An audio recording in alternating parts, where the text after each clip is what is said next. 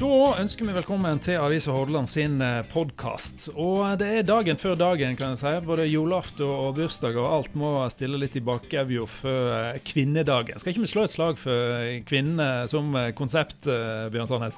Jo da, absolutt. 8. mars er en veldig viktig dag. Mm. Sjøl om likestilling har kommet lenger i Norge enn mange andre plasser, så mangler det sannelig ikke på oppgaver å ta fatt i før at vi får en en eh, situasjon der, eh, eh, der, det er helt likegyldig hvilket kjønn du er. Mm. Mange markante kvinner i regionen er å se i avisa i dag. Men vi skal òg en tur innom nyhetsveka som har vært. og Det begynte med økonomi. da, 30-50 millioner å spare i en kommune med et ja, romslig budsjett på 1,4 milliarder. Likevel ganske litt stramt, dette. Ja, eh, de tallene som kom fram da, eh, da, det var økonomiseminar for de folkevalgte nå mandag denne uka her, det, det må nok bekymre både politikere og administrasjon. Mm. Eh, rådmannen var jo veldig klar i sin tale. Eh, han sa det at eh, eh, vi bruker mer penger enn vi har inntekter til.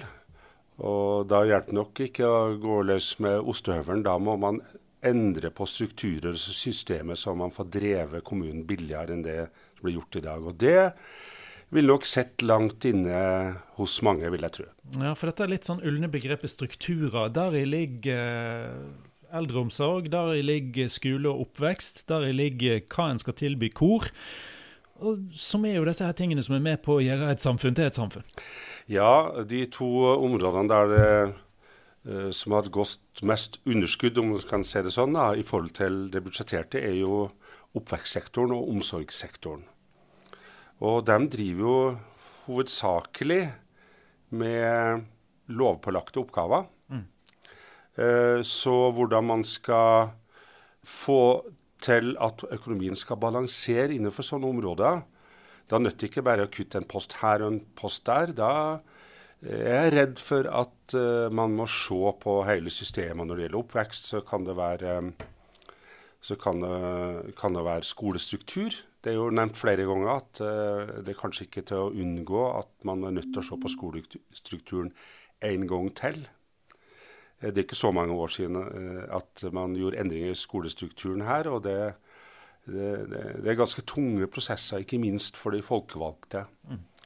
Eh, når det gjelder eh, omsorgssektoren, så, eh, så har det vært en stor økning i utgiftsposter som er lovpålagte. Eh, og, og, og, der kan du ikke bare liksom kutte ut et, eh, en institusjon eller skjære ned på, på ting eh, uten at man kommer farlig nær konflikt med det du er lovpålagt å gjøre. Så og så, eh, så, har man jo det perspektivet i tillegg, da, at uh, i 2040 så kommer det til å være 80% flere 80-åringer i Heradet enn det er i dag. Mm -hmm. Det alene krever 200 flere årsverk i omsorgssektoren enn det er i dag. Og hvordan skal få til det, det uh, der har nok kommunalsjef Kjersti Noranger en uh, virkelig gordisk knute hun skal knyte opp. Mm -hmm. Ja, det var det. Og um, så avfødde jo dette her flere spekulasjoner, ikke sant. For en kan jo begynne å lure på da. Altså, kommuner stort sett drevne av statlige overføringer, ikke sant. Og så eh, blir det knappere med penger som kommer ifra staten til å utøve flere oppgaver som blir pålagt av samme stat. Så det er et eller annet misforhold her. Ja, men det er jo ei vise vi har hørt i mange mange tiår. Det at når mm. kommunene får pålagt oppgaver, så syns de ikke at det kommer nok penger med for å løse de samme oppgavene. Eh, så det er en balanse der, der som er ganske vanskelig å, å, finne. Men da må jo kommunene da snu hver en stein for å se hvordan man kan drive eh, administrasjon og de tjenestene man har, mer effektivt og få mer ut av hver eneste krone. Mm. Innenfor omsorgssektoren så har de jo allerede tatt noen grep eh, ved å legge opp en strategi som sier at eldre skal få bo lenger hjemme. Og det er jo på mange måter en vinn-vinn-situasjon. Eh, hvis du tilrettelegger omsorgsboliger, som det nå bygges en god del av på Vetleflaten, som skal være ferdig i slutten av året, så får eldre bo hjemme lenger. Det er rimeligere for kommunen å yte omsorg når de bor hjemme, enn når de er i institusjon. Det er en måte å gjøre det på. Men det, men det er nok ikke nok for at, uh, at, skal, at uh, i den situasjonen det er i dag, at uh, økonomien innenfor omsorgssektoren skal komme i balanse. Så det blir mye spennende som skjer innenfor kommunal sektor de nærmeste årene. Så er det en annen ting òg som illuderer dette, her, at en snur på hver stein. For Stort sett så er kommuner sine lån altså De aller fleste kommuner har ganske betraktelige lån rundt omkring i uh, vårt land.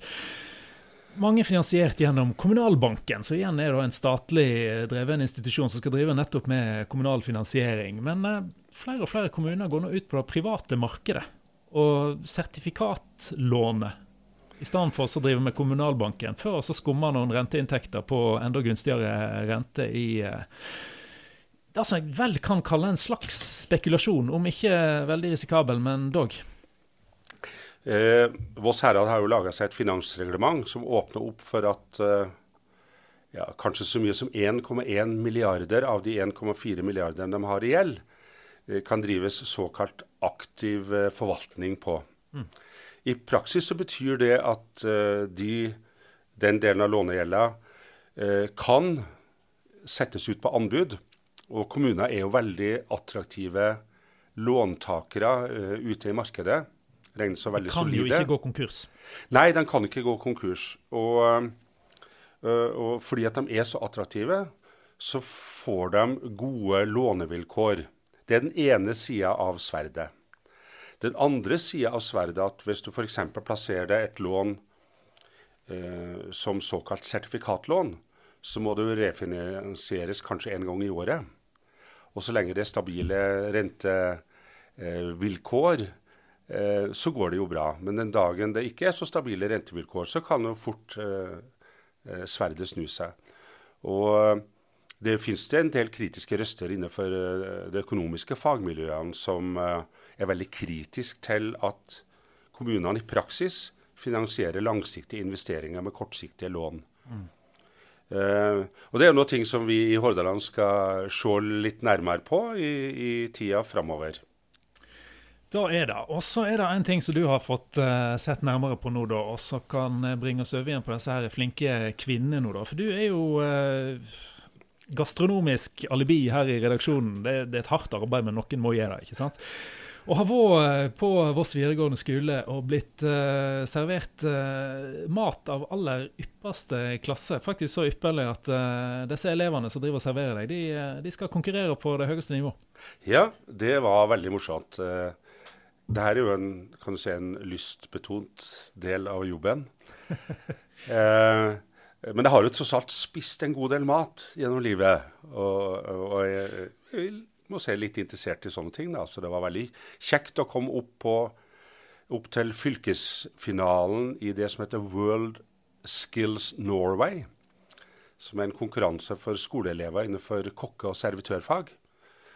Og eh, da konkurrerte da en representant innenfor uh, kokkefaget og en uh, for servitørfaget fra hver av de skolene i fylket som har sånne linjer som det her.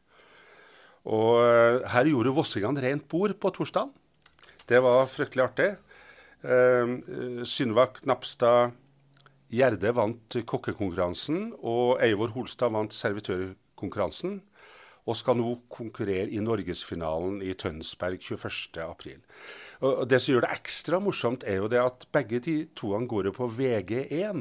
Mm. Mens dem de konkurrerte med, alle sammen gikk på VG2 på sine respektive skoler. Så det var en stor prestasjon. Og, og for meg som da måtte spise hele menyen, kan understreke Måtte. Uff, så fælt, altså. Du, du har det hardt. Ja, noen må jo ofre seg, vet du. Ikke sant? Eh, kan, eh, jeg kan bekrefte at det var, det var mat på høyt nivå. Og, mm. og, det ble servert av en servitør, Eivor, som, eh, som, gjorde jobben sin veldig, veldig bra. Og dommerne ga jo også uttrykk for at de var veldig imponerte over nivået både på servitørsida eh, og, og, og, ikke minst innenfor det kokkefaglige. Mm. Du, så kjekt, for dette er jo uka da man har kunnet lese at medaljebygde Voss eh, står i fare for å ikke få rekruttert inn nok eh, nye sportsfolk. Og så bare skifter de over til å få medalje for mat. Dette er jo eh, nybrottsarbeid. Ja, eh, det som er litt morsomt, er jo det at eh, den matfaglige linja oppe på Voss videregående skole er faktisk en slags linje mot strømmen. Eh, restaurantbransjen har jo, eller kokkebransjen da, har jo vært bekymra i mange år over dårlig rekruttering. Men på Voss videregående skole der økes antall søkere år for år. Og, og eh, Det skyldes jo sikkert mange ting. De har veldig dyktige lærere der oppe. Både, både Eivor og Sunniva skrøt veldig av, av lærerne på skolen. Og så er det det at de har eh, et av Vestlandets aller mest moderne kjøkken. Så, så elevene der får jo prøve seg med med det siste som er av teknologi. Og, og, det gjør jo det at de får en læresituasjon som åpenbart da slår godt ut. Det er kjekt å høre. og Det er kjekt at disse unge jentene, eller damene, kvinnene, skal vi si noe i anledning eh, kvinnedagen i morgen, da, er inne på ei linje mot en karriere på høyt nivå. Vi skal straks bevege oss over til ei dame som har vært såpass langt oppe at hun har sittet ved kongens bord. Det er likestillingsombud Hanne Bjurstrøm. Hun gjester oss her i podkasten og skal snakke om hvor likestillingen står i det herrens, det kvinnens år 2020.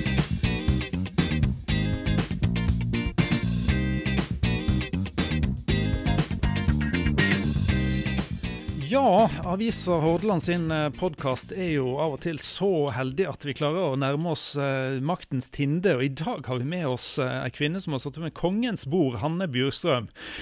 Nå i eh, form som eh, likestillings- og diskrimineringsombud. Og, skal vi bare hoppe rett i det, Hanne. Hvor står likestillinga i det herrens år Nei, herrens? I, i det kvinnens år 2020, får jeg si. Ja, takk for anledningen til å kommentere det. Eh, og, og gratulerer med 8. mars. Ja, på mange måter så er jo Norge et foregangsland. Vi er jo kåret til, land, til verdens nummer to likestilte land. Og til å være det, så har vi også fortsatt mange utfordringer. Hvis jeg skal trekke fram et par, tre stykker, kan jeg begynne med at i verdens mest likestilte land så jobber altså rundt halvparten av norske kvinner deltid. Det er helt påfallende. Når du jobber deltid, så kan du ikke forsørge deg selv. Du er avhengig av en annen som forsørger deg. Du blir pensjonstaper. Og vi vet at deltidsansatte også veldig ofte har eh, mindre muligheter til å gjøre karriere osv. Eh, og eh, mye av den deltiden er ufrivillig, og det er vi nødt til å gjøre noe med. Så Det er den ene utfordringen. Dette nummer to det er at vi lever i et samfunn med veldig eh, eh, kjønnsdelt utdanning og arbeidsliv.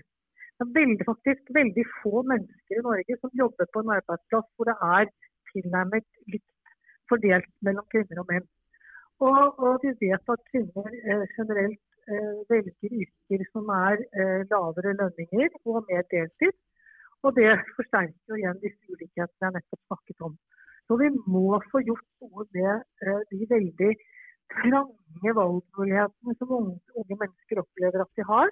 Vi lever i en tid hvor forskjellene mellom rosa og blått, lyseblått ut, forsterkes i folks barndom, og det må vi gjøre noe med. Og så helt til slutt. Forekomsten av uh, voldtekt, seksuell trakassering, uh, vold i nære nasjoner går ikke ned. Og det er i all hovedsak kvinner som rammes. Og det er på alle samfunnslag. Og dette har vi snakket om i mange mange år, men vi ser fortsatt at vi har et stort problem når det gjelder nettopp dette. De tre tingene, Jeg kunne nevnt mange flere, men jeg syns de tre tingene er kanskje noe av de viktigste jeg ville nevne nå. Mm. Men uh, Hanne, la oss ta tak i litt av det du sier om at vi har snakka eh, om dette her i så mange år. Det er, det er straks uh, Neste år så er det vel uh, 110 år siden Klara Zetkin tok og skramla sammen den første internasjonale kvinnedagen. Og Hvorfor tar ting så lang tid? Altså, Vi er jo et oppegående samfunn, og det har vi vært nå i en del tiår der ting har for så vidt formelt lagt på plass at vi kan fikse ting som at uh, det er ulik lønn for likt arbeid og sånne helt banale ting. Hvorfor står dette her mhm. fremdeles i stampe i 2020? Jeg tror alt egentlig peker ned til dette med de trange valgmulighetene, kjønnsrollene, og, og, hvordan de på en måte eh, tvinges til å være gutter-gutter og være jenter-jenter. Og når jeg var ung på 70- og 80-tallet, trodde vi at vi hadde fått bukt med det. Veldig mange av de tingene man ser i dag i reklamer osv. var helt uaktuelt på den tiden. Nå ser man at alle disse tingene er på full fart inn. Og det forsterkes på en måte av reklamen og kommersielle interesser. Uh, og, og, det gjør at, at uh, vi klarer ikke å få bort disse forventningene til at kvinner har hovedomsorgsoppgaver for hjemmet f.eks. Vi mm. vet fra Statistisk sentralbyrås tidsnittundersøkelse at det er kvinner som i all hoved, altså som en langt større grad enn menn tar vare på barn og sørger for liksom, at hjemmet fungerer. Uh, og det veldig mye ulikestilling starter nettopp med når familiene etablerer barn og de tradisjonelle strukturene da begynner å feste seg. Da velger man uh, at den er hjemme, den som har lavest lønn, og det er ofte kvinnen. Og så er det mannen som jobber, og så er på en måte hele, hele, hele dette i gang. Mm. Så vi må gjøre noe med det grunnleggende. Uh, få kvinner til å velge andre yrker Kvinner er flinke til å velge høystatus mannsyrker, men de velger ikke elektriker, rørlegger osv. Og, og så må vi få menn til å velge de mer tradisjonelle kvinneyrkene. Det er jo, Hvis vi skal begynne å våge å ta og lempe litt på paradoksene her, så er det jo mange å ta av. Dette her med utdanning og økonomi det henger jo ikke i hop. Kvinner har høyere utdanning enn menn, tjener mindre. Ja. Og um, lønnsforskjellene ikke sant? og hele likelønnsproblematikken er jo veldig sammensatt. I all hovedsak så skyldes den at kvinner og menn jobber forskjellige steder. At kvinner jobber i offentlig sektor og, og i, i, stillinger i offentlig sektor, helsesektor og skolesektoren, som gjennomgående er lavere betalt enn privat sektor.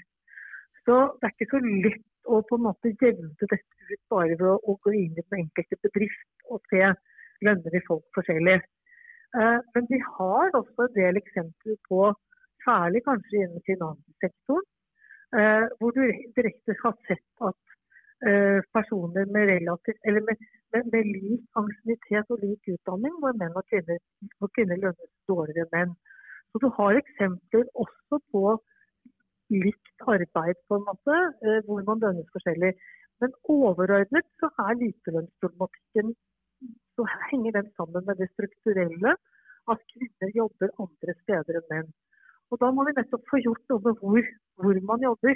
Og så har man selvfølgelig diskusjonen om hvis man skal ha likelønnspott i lønnsoppgjørene, hvordan man skal løfte lavtlønnsgruppene. Uansett er i hvert fall lavtlønnspolitikk riktig, for det er også kvinnepolitikk. Mm. Næringsliv, eh, politikk, disse her maktens tinder som vi nevnte litt i innledningen her, som du har uh, klart å komme deg opp på, men satt uh, i undertall da kjønnsmessig ved kongens bord òg. Disse helt sånn åpenbare skjevhetene i fordeling i samfunnet og i maktposisjoner i samfunnet. Hvordan tror du den utviklingen er nå? For det er jo òg en tidsalder der vi altså Formelt ligger det jo ikke noe i veien for at en skulle kunne klare å ordne dette ganske kjapt. Nei, og vi ser jo heldigvis at det går fremover. Når du ser på kvinner og ledere større selskaper, det går utrolig tregt fremover. Og jeg syns det går utrolig tregt fremover, særlig hvis man ser på hvor mange utrolig flinke kvinner det er. Og som du selv var inne på, hvordan kvinner gjør det jo bedre enn menn i utdanning og på veldig mange områder. Eh, eh, jeg syns nå vi ser noen veldig sterke klare kvinnestemmer som, som går frem og, og, og, og, blir forbilder. For det er det veldig mange kvinner trenger. De trenger å se noen forbilder. Eh, samfunnet trenger å se hvor utrolig viktig det er å få kvinner inn. Og så trenger vi å gjøre noe med den måten veldig mange som rekrutterer, tenker at de rekrutterer i forhold til eh, ting, folk som ligner seg selv. Og hvis det er menn som på en måte eh, er ledere i dette bedriften, så har man en tendens til å også da velge andre menn. Mm. Jeg tror at eh, morgendagens eh, ledelse, morgendagens bedriftseiere, morgendagens styrer kommer til å skjønne at vi må ha kvinner. det er, det er etter hvert så vil kvinner velge de arbeidsplassene hvor de har karrieremuligheter, hvor de ser at man satser på likestilling, at man satser på at kvinner skal kunne nå toppen. Og det er der man vil være. Og det blir, de, de blir taperne, tror jeg, i næringslivet. De som ikke klarer å omstille seg til at vi nå er et mer mangfoldig samfunn. Det jeg sier om kvinner nå, bør også gjelde i forhold til minoritetsgrupper, hvor det også er utrolig mange hoder man mister. ikke sant? Hadde jeg vært leder for en eller aksjeeiermajoritet eller styreleder, hadde jeg vært opptatt av at bedriften min skulle få de beste menneskene. Og da kan man ikke velge tradisjonelt sagt, da, ikke sant, kjent og kjent, kan man ikke mm. bare velge av halvparten av samfunnet. Ikke sant. Du, det var interessant at du begynte helt eh, med noe så eh, basalt som eh, kjønnsrollemønstre når du innleder her med disse punktene dine i stad. Men er det et paradoks igjen at i dag så er mange av de sterke nye kvinnestemmene i den offentlige debatten, i hvert fall blant de unge, de som går uh, under kategorien mm. influensere, de kan mm. ofte ha et litt sånn der eh, photoshoppa og stereotypt og objektifisert uttrykk. Er det, eh, er det litt paradoksalt at det er kvinner som inntar en sånn eh, objektifisert rolle, som, som skal ha sterke stemmer framme? Dette er et veldig interessant spørsmål som jeg tror man skal være forsiktig med å ha veldig, veldig, veldig klare standpunkter til. Særlig jeg, som på en måte er en eh, godt voksen dame, og som kjenner mindre på hvordan, hvordan, dette er. Og det er jo sånn at uh, ting er jo ikke alltid liksom bare godt eller bare dårlig. Jeg tror dette er litt sånn hvor vi beveger oss i et litt sånn grenseland. Fordi eh, det man ser med noen av disse kvinnene eller jentene, noen er veldig unge òg, det er jo at de nettopp uh, tar regi over eget liv, er sterke, er tydelige og bidrar jo til at unge jenter skjønner at man nettopp skal ta regi, at man har en plass. Men så syns jeg noen ganger at de budskapene kanskje fungerer totalt kontraproduktivt samtidig. Eh, nå skal jeg ikke skjære alle influensere over én kam, virkelig ikke. Men det er klart at noen debatter som handler liksom om veldig mye konsum og konsum av ting som skal gjøre deg vakrere og penere, hvis vi snakker om det, eh, er jo, fungerer jo veldig eh, veldig liksom, stigmatiserende og bidrar igjen til dette trange rolleforståelsen av hvordan en kvinne skal være. Og som bidrar til at du bruker tida di på det, istedenfor å bruke tida di på ting som du kunne gjøre for å utvikle deg på litt flere arenaer. Så, så, så, dette er liksom litt sånn dobbelt. Du har jo også noen veldig sterke, kule kvinnestemmer nå innen minoritetsjenter f.eks. Som er så tydelig på rollen sin og så tydelig på hva de vil og ikke vil, og som ikke har den der influenser eh, eller, eller, eller, som ikke har den, den koblingen opp mot det kommersielle. da. Og jeg vil jo foretrekke det siste. Mm. Ta oss da helt til slutt med inn uh, i framtida litt. Hvis vi nå uh, får fart på uh, rullatorene om noen tiår og møtes til en kaffe og skue utover samtida om la oss si 20, 20 år, hvor, hvor, er kvinne- og likestillingskampen da? Jeg tror at Norge har kommet mye lengre. Jeg tror at vi ikke kommer til å ha så mye deltid Samtidig så er det veldig vanskelig å spå om det. Det hører jeg når jeg snakker selv. fordi at det, eh, Hvordan norsk arbeidsliv kommer til å se ut om 20 år, er jo et kjempespørsmål i seg selv. Vi kan jo risikere at arbeidet er veldig overflødig gjort på mange måter. Så, så det er vanskelig å si noe om og all, altså arbeidsliv påvirker likestilling osv. Så, videre. så det er litt vanskelig spørsmål. Men jeg tror at vi har kommet i hvert fall eh, nærmere det jeg er opptatt av. At, eh, at Eh, vi er frie til å velge det vi vil. At vi har et mindre trange rolle rundt oss. Og at, at de som er ledere og som skal rekruttere, er relativt kjønnsblinde og er bare ute etter kompetanse. Det tror jeg, og det håper jeg. Mm. Og så er det noe med at vi eh, statistisk sett blir eh, flere som trenger omsorg og hjelp, og vi er flere som lever lenger. Og um, sist jeg sjekka, så uh, jeg ute etter omsorg, så, så satser jeg alle egga i korga på, på kvinnene. Mm. Og det har jeg vært opptatt av lenge. Og jeg har vært opptatt av det fordi på mange måter så velger kvinner, når de velger tradisjonelt å velger helsearbeid, så tenker de ganske rasjonelt, for der får man jobb. Det er, en, det er et, et, et, et, yrke i vekst. Gutter de tenderer til å velge yrker som jeg tror så mye tyder på at mange av dem kommer til å bli um, en, en del blir overtatt av teknologi osv. Samtidig som du sier, så trenger, kommer samfunnet til å trenge virkelig så mange flere helsearbeidere. Så vi er nødt til å få guttene til å velge mindre tradisjonelt. Guttene må velge helsefag. Det er lurt av dem, for det sørger for at de får arbeid fremover, og at de ikke blir arbeidsledige. Eh, og Vi må tenke rundt dette som samfunn, for ellers så kommer vi ikke til å ha nok helsearbeidere. Eh, da kan vi gjøre som vi gjorde en periode hvor man importerer arbeidskraft utenfra. Men vi vil også ha eh, behov for helsearbeidere som kan passe på sine gamle. Så kan vi satse på noe annet enn at Norge selv klarer å utdanne nok folk, gutter så vel som jenter, til å jobbe med, med, med eldre og helse. Da takker jeg eh, likestillings- og diskrimineringsombud eh, Hanne Bjurstrøm Fø å ha vært med oss her. Det ble et helt kvarter, Hanne. Jeg er jo redd for at jeg har satt likestillingskampen flere tiår tilbake med å stjele av de ti, men eh, la oss håpe at det ordner seg. Ha en god 8. mars. Ja, i like måte. Tusen takk for at jeg fikk komme. Hei.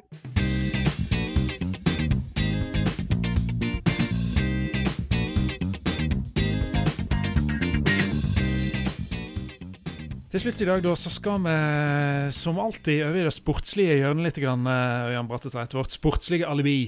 Og eh, ja, Skal ikke bare begynne så begynner med kvinnene litt. Grann. Karoline Simson Larsen skal til Holmenkollen for Tromme tribuner. Hvordan blir det?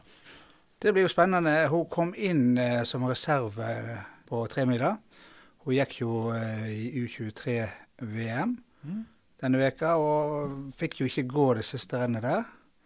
Så hun vil nok kanskje aller helst ha gått der, men uh, kommer altså til Kollen og får gå inn som reserve der. Med hva slags uh, forventninger? Er det at hun ikke gikk det siste rennet i uh, VM? Er det en indikasjon på at formen ikke er helt der den skal være?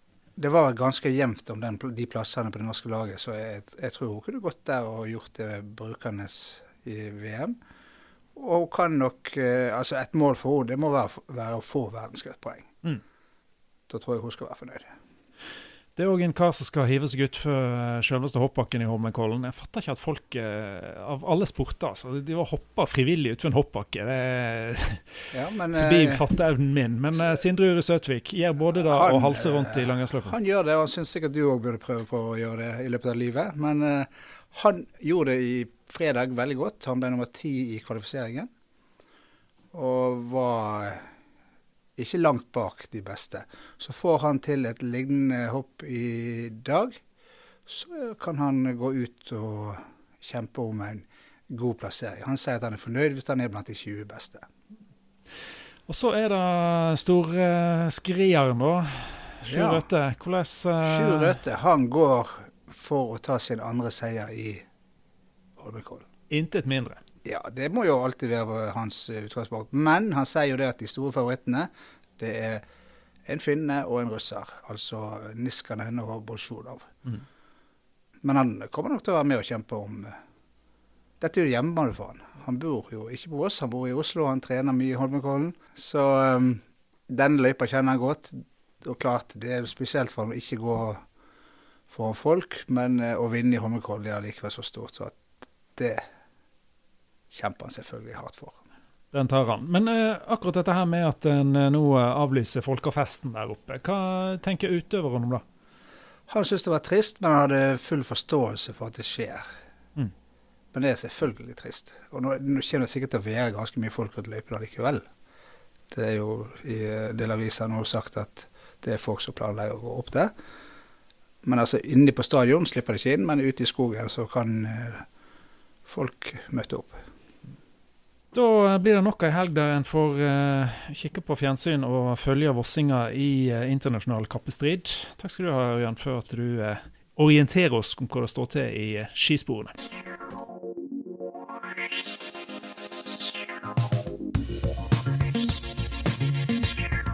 Dette er Vise Hordaland sin podkast. Den hører du hver lørdag. Vi tar for oss aktuelle saker i nyhetsbildet. Og har du ting du har lyst til å høre om, så ta kontakt med oss. Kanskje lager vi podkast akkurat om det du vil.